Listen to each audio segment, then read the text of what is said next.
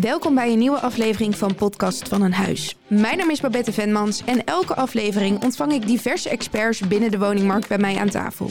Samen met hen bespreek ik verschillende casussen, voorzien wij jou van de juiste informatie, maar bovenal verzamelen we de beste tips en tricks voor jou als consument. In deze aflevering gaan we de diverse manieren van de verkoop bespreken. Welke verschillende manieren zijn er waarop je een woning kan verkopen? Hoe zorg je ervoor dat juist jouw woning eruit springt? En waarom zou je überhaupt een keuze moeten maken in de verkooptactieken? Want anno nu verkoopt een woning zichzelf wel, toch? Ook deze aflevering doe ik niet alleen. Bij mij aan tafel Robin van der Brink, makelaar bij Van der Hoek Makelaardij in Harderwijk. Ik heb vernomen dat jij altijd klaar staat voor je klanten en er alles aan doet om een transactie tot een succes te begeleiden. Dat klopt, zeker. Ik vind het eh, belangrijk dat de consument veel vertrouwen heeft. En dat doen wij eigenlijk door constant bereikbaar te zijn. En gewoon ons uiterste best doen om het maximale resultaat te behalen. Ik zeg altijd, iedereen kan in de huidige markt een huis verkopen. Maar een huis goed verkopen, ja, dan moet je in Harderwijk bij Van der Hoek zijn. En wanneer is bij jou een transactie succesvol? Nou, als ik zeker weet dat ik het maximale uit de verkoop heb gehaald. Dus echt uh, ja, het maximale opbrengst gerealiseerd heb. Maar ook in opbrengst of ook in uh, levering, wanneer dat voor beide partijen het beste uitkomt. Daar zit nog ook al wel wat verschil tussen. Ja, nee, het is inderdaad de beste prijs in combinatie met de beste voorwaarden. Dus het wil niet altijd zeggen dat degene die het hoogste biedt, dat dat ook de beste voorwaarden heeft. Dat kan afhankelijk zijn als een verkoper een jaar wil wachten, dat hij ook een jaar kan wachten. Of dat hij er met drie maanden uit moet. Ja, dan is de keuze vaak makkelijk. En zo haal jij dus je succesvolle uh, transacties. Want wat onderscheidt jou als makelaar? Nou, ik denk zelf dat ik heel enthousiast ben. En uh, ja, wij doen ons. Ik doe altijd mijn best. Ik ben heel open, heel transparant. Naast Robin bij mij aan tafel zit Arnold de Groot, NVM-makelaar en directeur bij Makelaardij Witte uit Vinkenveen. Arnold de Groot is een zeer kundige makelaar met gedegen kennis van de markt en de juiste strategie gesteund door een goed administratief team op kantoor. Dit is een van de reviews welke ik online tegenkwam. Um, ik denk iets om heel erg trots op te zijn. Jazeker, we zijn heel erg trots op ons bedrijf. En uh, daar werken we ook elke dag aan om dat uh, ja, allemaal goed te, te, houden. Kan jij een tipje van de sluier geven? Uh, er wordt in de referentie gerefereerd naar de succesvolle strategie. Wat wordt daarmee bedoeld? Ik kan de exacte review niet helemaal meer herinneren bij welk pand hij hoort. Maar ik denk dat het belangrijkste is dat we beginnen bij de klant. Um, inventariseren een beetje wat daar de behoeftes zijn. En uh, we gaan vervolgens een plan van aanpak maken wat uh, uh, ook weer past bij, bij het pand. Maar klant eerst, pand als tweede en dan moet het een succes worden. En dat is dus de succesvolle strategie waar ze het over hebben? ja, ik denk dat dat in deze ook de geslaagd is inderdaad. Dat denk ik ook, want anders zegt hij niet zoiets moois. In deze aflevering gaan we het natuurlijk hebben over de soorten manieren van verkoop. Zou je mij mee kunnen nemen, Arnold? Welke manieren zijn er? Um, ja, bij verkoop is natuurlijk, er zijn een aantal onderdelen in de verkoop. Ik denk beginsel um, dossiervorming is heel erg van belang. Soms, uh, als je te maken hebt met erfgenamen bijvoorbeeld, is het wat uh, moeilijker om dat dossier compleet te krijgen. Dus dan zul je daar wat meer energie in moeten steken. En dat voorkomt ook problemen achteraf. Um, veelal doen we dan bijvoorbeeld een bouwkundige keuring, of geven in ieder geval een advies uh, om een bouwkundige keuring te laten doen als het, als het pand daar uh, geschikt voor uh, is, als dat nodig zou kunnen zijn. En die keuring doe je dan op voorhand van de verkoop? Ja, en dat doe je dus niet altijd. Want als een, als een klant, als, uh, als verkoper ook bewoner is, dan heeft hij voldoende kennis over het huis om daar vragen over te kunnen beantwoorden. Maar een, ja, er zit een kennisachterstand bij erfgenamen. En die kun je op die manier kun je die toch uh, weer recht trekken. En dan heb je het dossier op orde. En dan ga je kijken van ja, wat is precies nou de wens van deze, deze, deze verkoper? Wil hij een uh, snelle verkoop ontzorgd worden? Of is het een verkoper die zegt, nou weet je, ik, ik wil gewoon het beste van het beste eruit zien te halen. Uh, in, in, in prijstechnische zin. En, en dan ga je daarvoor. En dus het is een beetje flexibel, uh, nou, gelang wie er voor je zit. En kan je daar voorbeelden in geven? Nou ja, um, kijk, in de huidige markt um, zie je veelal dat een, een, een, als je prijs-product-presentatie een beetje goed op elkaar aansluit, dan is kans van, van succes eigenlijk gewoon, uh, gewoon goed. En dan zie je ook wel dat uh, met een wat scherpere vraagprijs je de, de markt uh, meer zijn werk laat, laat doen. Terwijl de gedachte ook vaak nog wel is van nou je zet hoog in, ik heb er maar eentje nodig. Maar als je dan na zes maanden elkaar aan zit te kijken dat we het nog niet goed hebben gedaan, dan heb je wel een probleem. Merk je dat nog ook in de huidige markt, dat dat gebeurt? Ja, je kan uh, de, in, in de gebied waar ik werkzaam ben, zijn de, is het nog niet zo erg. Maar in, in de stad zie je wel veel dat men uh, verwachtingen heeft van ver boven de vraagprijs te moeten bieden. En als dat, die verwachting er is en de vraagprijs is al aan de hoge kant, dan heb je ook echt kans dat ze wegblijven. En dan ontstaat er, nou ja, die, die chemie van de markt, die ontstaat daar niet. Maar dat is best lastig voor de consument om, om die eruit te filteren. Want welke strategie heeft de desbetreffende makelaar, dus de verkopend makelaar, gekozen? En hoe ga ik kijken? Ja, dat, uh, dat is inderdaad ook wel lastig. En, uh, dat is een, uh, ja, je, je, hebt in principe, als je tien personen hebt tegelijkertijd op een woning, er is er maar eentje die er straks mee weg kan. Dus dat, dat zorgt er wel voor dat je in ieder geval in je voorbereiding, in je tactiek ervoor moet zorgen dat, dat de markt reageert op, op wat, je, wat je doet. Ja, helemaal eens. Robin, hoe merk jij dat? Ja, bij ons is het eigenlijk idem. Op het moment dat je te veel vraagt voor een huis, dan komen de mensen ook niet. Uh, wat wij altijd doen, wij zetten het huis tactisch in de markt. Dus met een scherpe vraagprijs. Nou, aan de hand van de data waarmee wij werken, kunnen we ook genoeg gegevens uit, uh, ophalen uit Funda.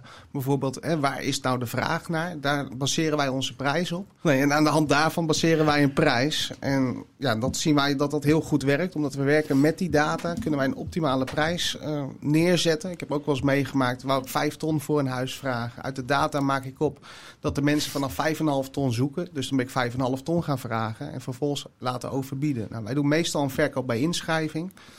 wat je net ook vroeg eigenlijk, wat zijn dan de verschillende verkoopmethodieken? Ja, je kan ook kiezen voor een een verkoop bij inschrijving of een, gewoon een normaal verkooptraject. Dus waar de mensen komen kijken. Zou jij de luisteraars willen uitleggen wat een verkoop bij inschrijving is? Kijk, wij begrijpen dat hier aan tafel, maar het is denk ik mooi om dat even goed uit te leggen. Ja, nee, zeker. Wat een eh, verkoop bij inschrijving eigenlijk inhoudt, is dat je gewoon heel veel mensen laat kijken. Je geeft iedereen een kans om het huis te bezichtigen.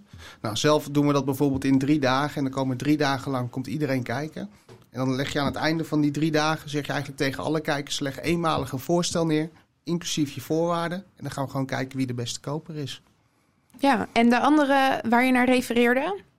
En een andere is een normale verkoopprocedure. Dus dan zet je een huis te koop, dan komen mensen bezichtigen. En op het moment dat ze bezichtigd hebben, dan kunnen ze een voorstel neerleggen. Ja, dan kan je in onderhandeling gaan. Alleen in de huidige markt ja, ga je eigenlijk nooit meer in onderhandeling, omdat je vaak meerdere kopers hebt. Nee, ik, neem, ik merk zelf dat in de huidige markt de inschrijving bijna de normale procedure is geworden. Ja, klopt. Bij ons in de regio ook. En heel af en toe heb je makelaars en die zeggen van nou, bij ons kan je het wel zo aankopen. En dat is mooi. Alleen ik zeg altijd, als je het maximale eruit wil halen, ga echt voor die verkoop bij inschrijving. Ja, want voor jou als verkopend makelaar wil je dus eigenlijk streven naar een verkoop bij inschrijving. Maar als aankoopmakelaar uh, is dat weer minder gunstig. Ja, nee, dan is het juist het tegenovergestelde. Want je weet dat je voor je cliënt eigenlijk het meest moet betalen. En wat is dan je onderscheidend vermogen? Ja, en dat is je kans van slagen in plaats van uh, goedkoper aan kunnen kopen. En kan je me meenemen in uh, wat dus zo'n onderscheidend vermogen is bij jullie? Uh, op welk vlak? bewijs van, van een aankoop. Nou, de toegevoegde waarde van een aankoopmakelaar is momenteel eigenlijk, in ieder geval in de, als je kijkt op ons kantoor af. Hè, we hebben nogal wat trucjes die we open kunnen trekken bij het aankoop.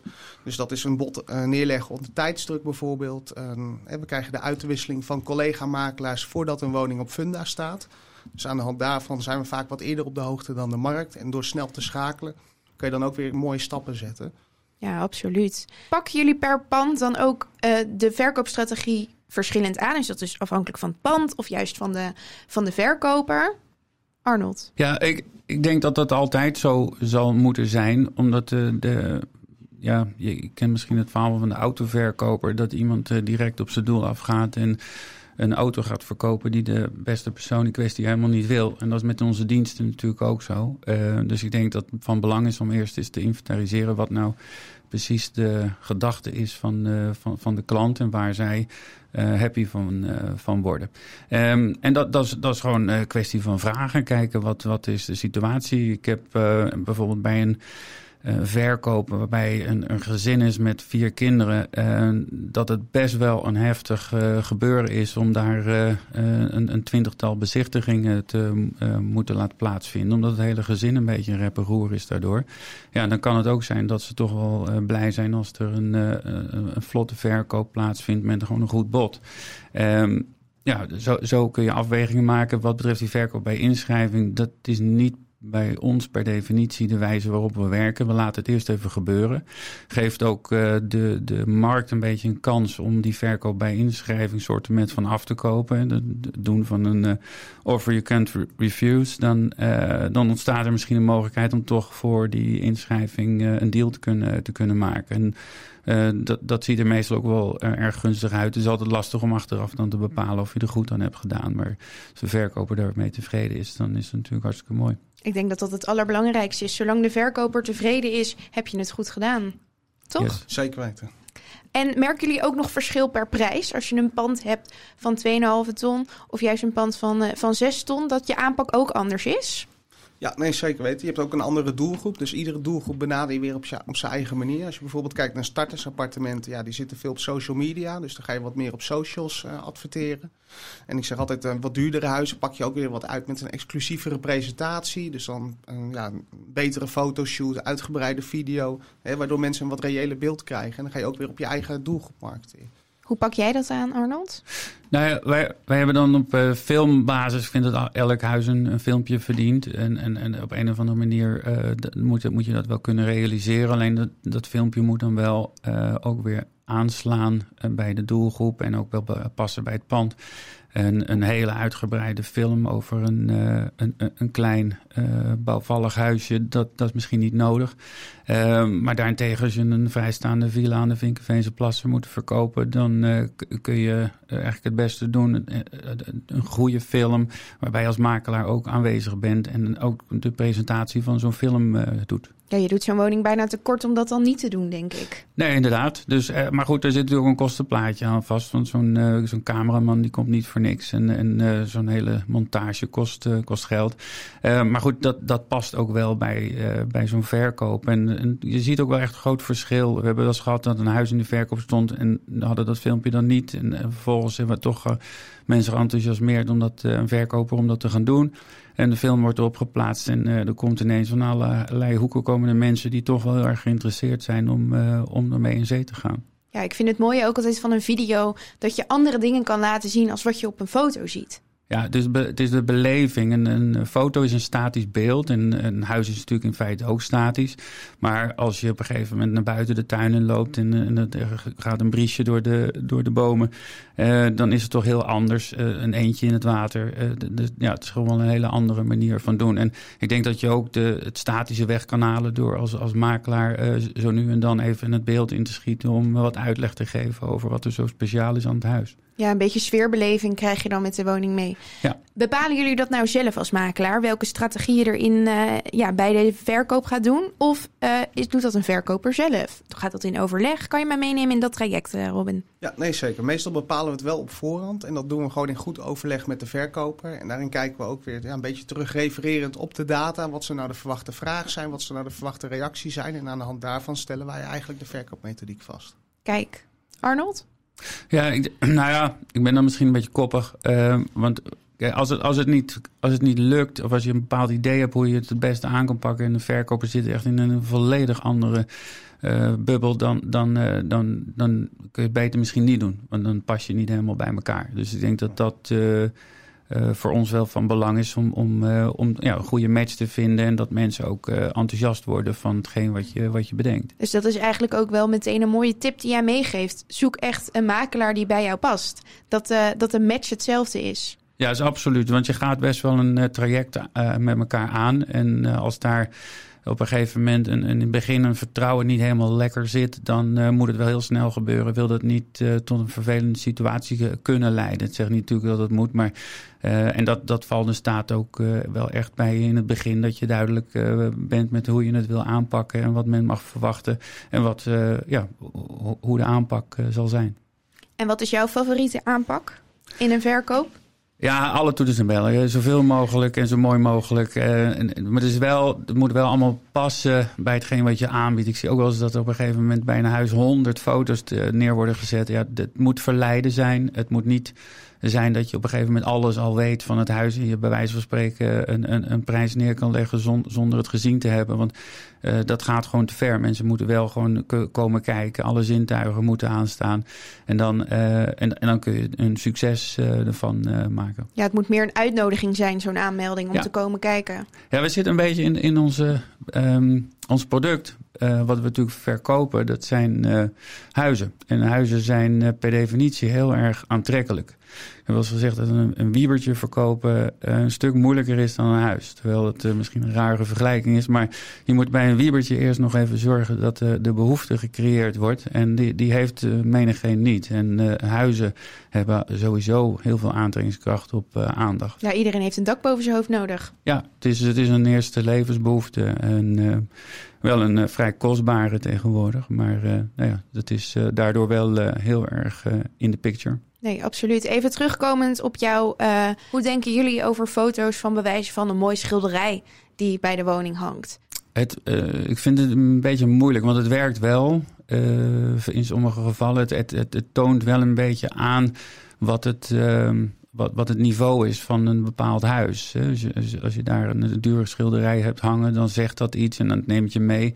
Dus het is wel een vorm van promoten. Ik vind zelf dat het uh, niet te veel moet zijn, omdat je natuurlijk gewoon de, de ruimtes wel moet kunnen ervaren en kunnen zien. En de afleiding die er dan ontstaat door, uh, door accessoires, die, uh, die moeten toch een, wat, wat ondergeschikt zijn. Ja, want her en der kan dat natuurlijk ook afschrikken. Ja, nou, het is ook een. Uh, een uh, ja, je schiet minder met, uh, met hagel, meer gericht op een bepaalde doelgroep. En dan moet je wel echt weten wat je, dat wat je doelgroep is.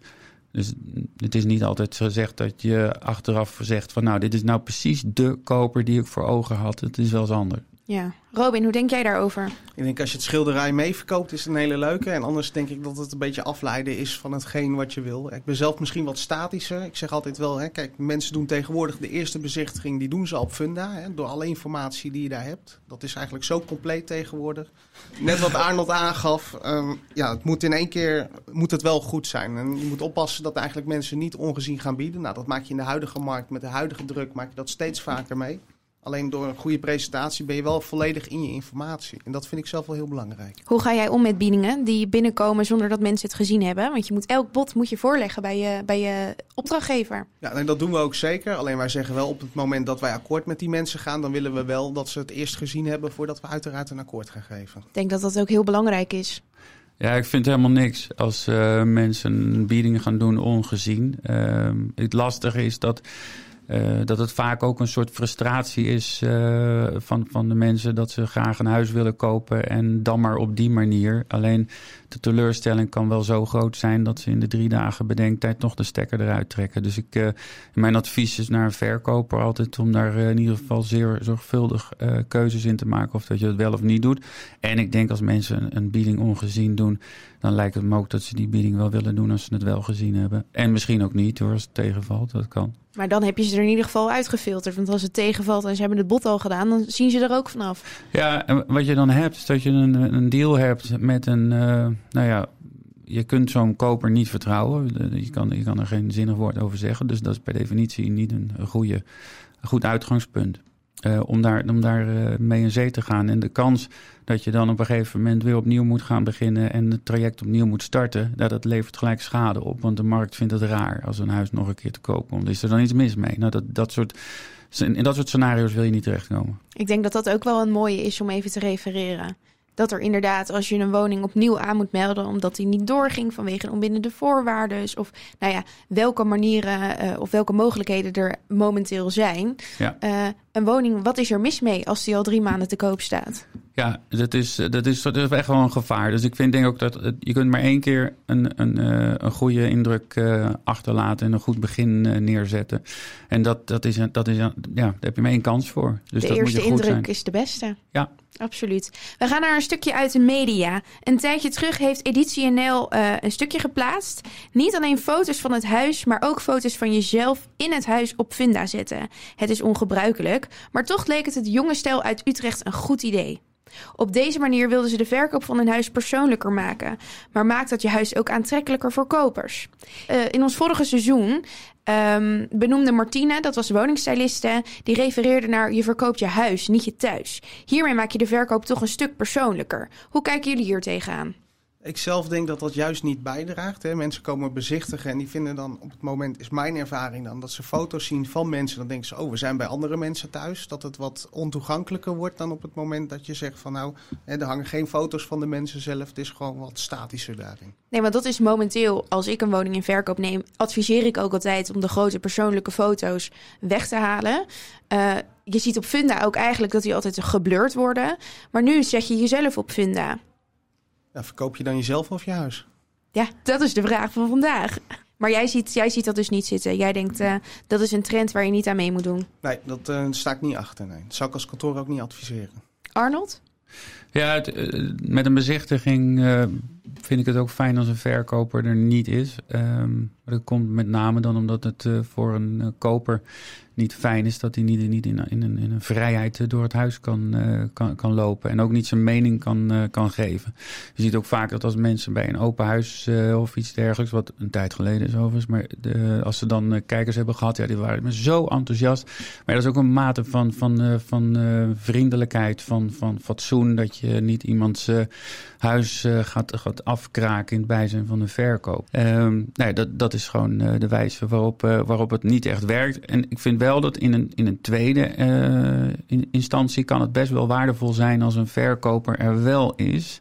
Maar ja, dan is de tweede instantie, wat mij betreft, wel dat, uh, dat uh, de deal er min of meer al is. Maar het gaat nu over voordat je je woning aanmeldt. Hierin, in het voorbeeld wat ze bij Editie NL gaven, was dat het stel daar met een kind woont. Het was echt een eengezinswoning. Nou, het, het kindje was lekker aan het spelen in de woonkamer. Je kon zien hoe leuk het daar wonen is. Ja, dat, dat, ik denk dat het heel erg afhankelijk is van de bewoner en uh, hoe um, deze bewoners overkomen. En dan kan het best zijn dat het, dat het werkt. Alleen dat best wel een risico is dat het ook niet werkt. En ja, dan komen we weer bij het punt waar we het net over hadden. Uh, een goed begin uh, is, is, ja, je maakt maar één keer kun je een goede indruk geven. En als het dus niet goed gaat, dan heb je mooi pech. Ja, dan is, het, uh, is je eerste kans verspeeld. Er zijn ook makelaars die zichzelf terug laten komen op de foto's op Funda.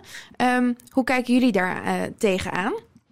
Ja, ik ben zelf van, van het Facebook Live. En dat is eigenlijk gewoon een online bezichtiging waar ik zelf ook zichtbaar op ben. En dat is eigenlijk meer voor mijn eigen merkkenbaarheid dan dat het echt daadwerkelijk iets toevoegt. Ik denk dat het een herkenningspunt is om zelf wel meer handel te creëren dan dat het echt ook iets toevoegt voor de verkoop. Maar mogen de mensen die dus via jouw Facebook Live een bezichtiging hebben gezien, die hebben eigenlijk de woning ook gezien, mogen die dan wel een voorstel doen? Ja, nadat ze nog een keer echt zijn komen bezichtigen. Ja. Arnold? Ja, ik denk dat wij van ondergeschikt belang zijn uh, als het gaat om uh, de verkoop. Ik bedoel, als je daar iets uh, aan toe wil voegen, dan, dan moet het ook van toegevoegde waarde zijn gericht op het, op het pand en op wat men graag wil weten over het huis. En wat en, vind je dan een mooie toevoeging? Nou, sommige, sommige huizen zijn een beetje lastig te doorgronden van foto's. Dus als je dan met een video op een gegeven moment kan uitleggen hoe de routing van een huis is en wat er nou zo bijzonder aan is en waarom mensen wel uh, ja, geïnteresseerd zouden, um, uh, zouden moeten zijn, uh, dan kan dat wel van toegevoegde waarde zijn. En dat kan, dat kan dan echt wel goed zijn. Maar nou ja, een tentoonstelling van jezelf, dat, daar heb je gewoon bedrijfsfilmpjes voor, denk ik. Ja, je doet niet een, een fotoshoot in elke woning die je verkoopt. Nee, nee, ik ben ook niet zo heel erg fotogeniek daarin. Nou ja, ook inderdaad. Maar het is wel herkenbaar. Het is wel een creatieve manier uh, om zowel je kantoor als je woningen op te laten vallen. Ja, alleen ik denk niet dat het echt daadwerkelijk iets toevoegt voor de verkoop. Ik denk dat daar gewoon belangrijk is om daar een hele goede presentatie neer te zetten. En dan refereer je dus weer naar de mooie video's, uh, duidelijke tekst en foto's. Want een tekst is ook iets wat ondergeschikt is tegenwoordig.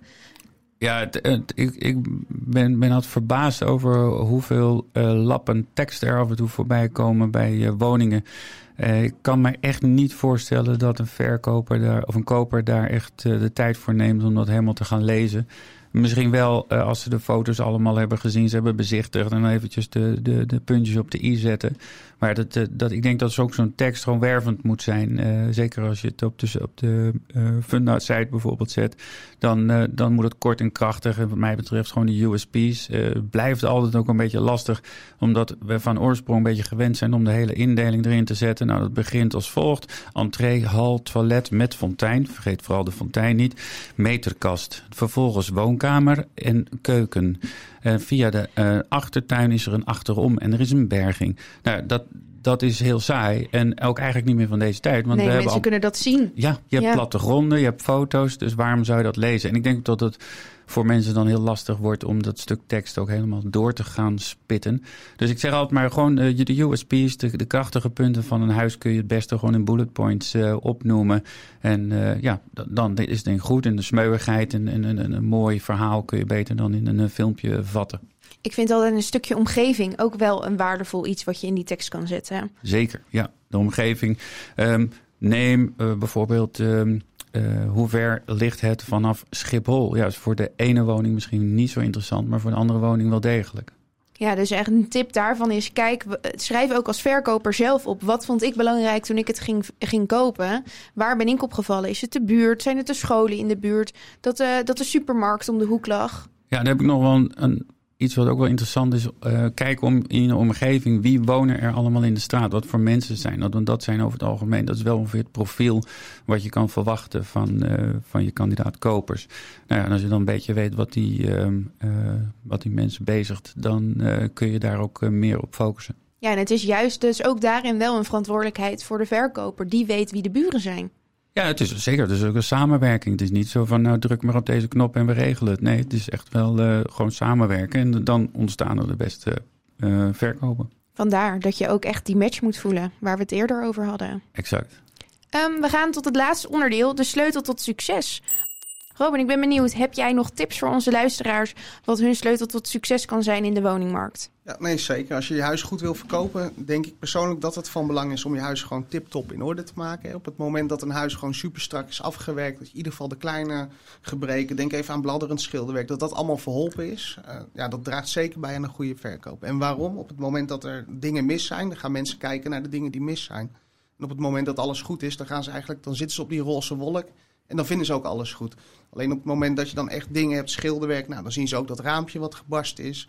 Zien ze ook in één keer dat enkel glas, dan gaat dat opstapelen. Dan gaan ze zich focussen op het negatieve. Ja, dat onthouden ze. En dat onthouden ze. Absoluut. Mooi. Arnold. Ja, ik denk gewoon eh, even, even kritisch door je huis. Als je nu bij mij door mijn huis heen gaat lopen, dan is het zeker niet verkoopklaar. Met mijn drie kinderen en mijn gezin en twee honden lukt dat gewoon niet.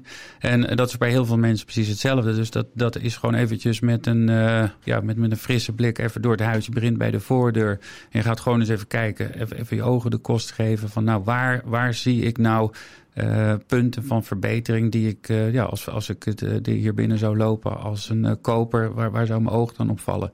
Nou, dat zijn heel vaak hele kleine dingen. Te veel jassen op de kapstok, dat is een, leuk voorbeeld.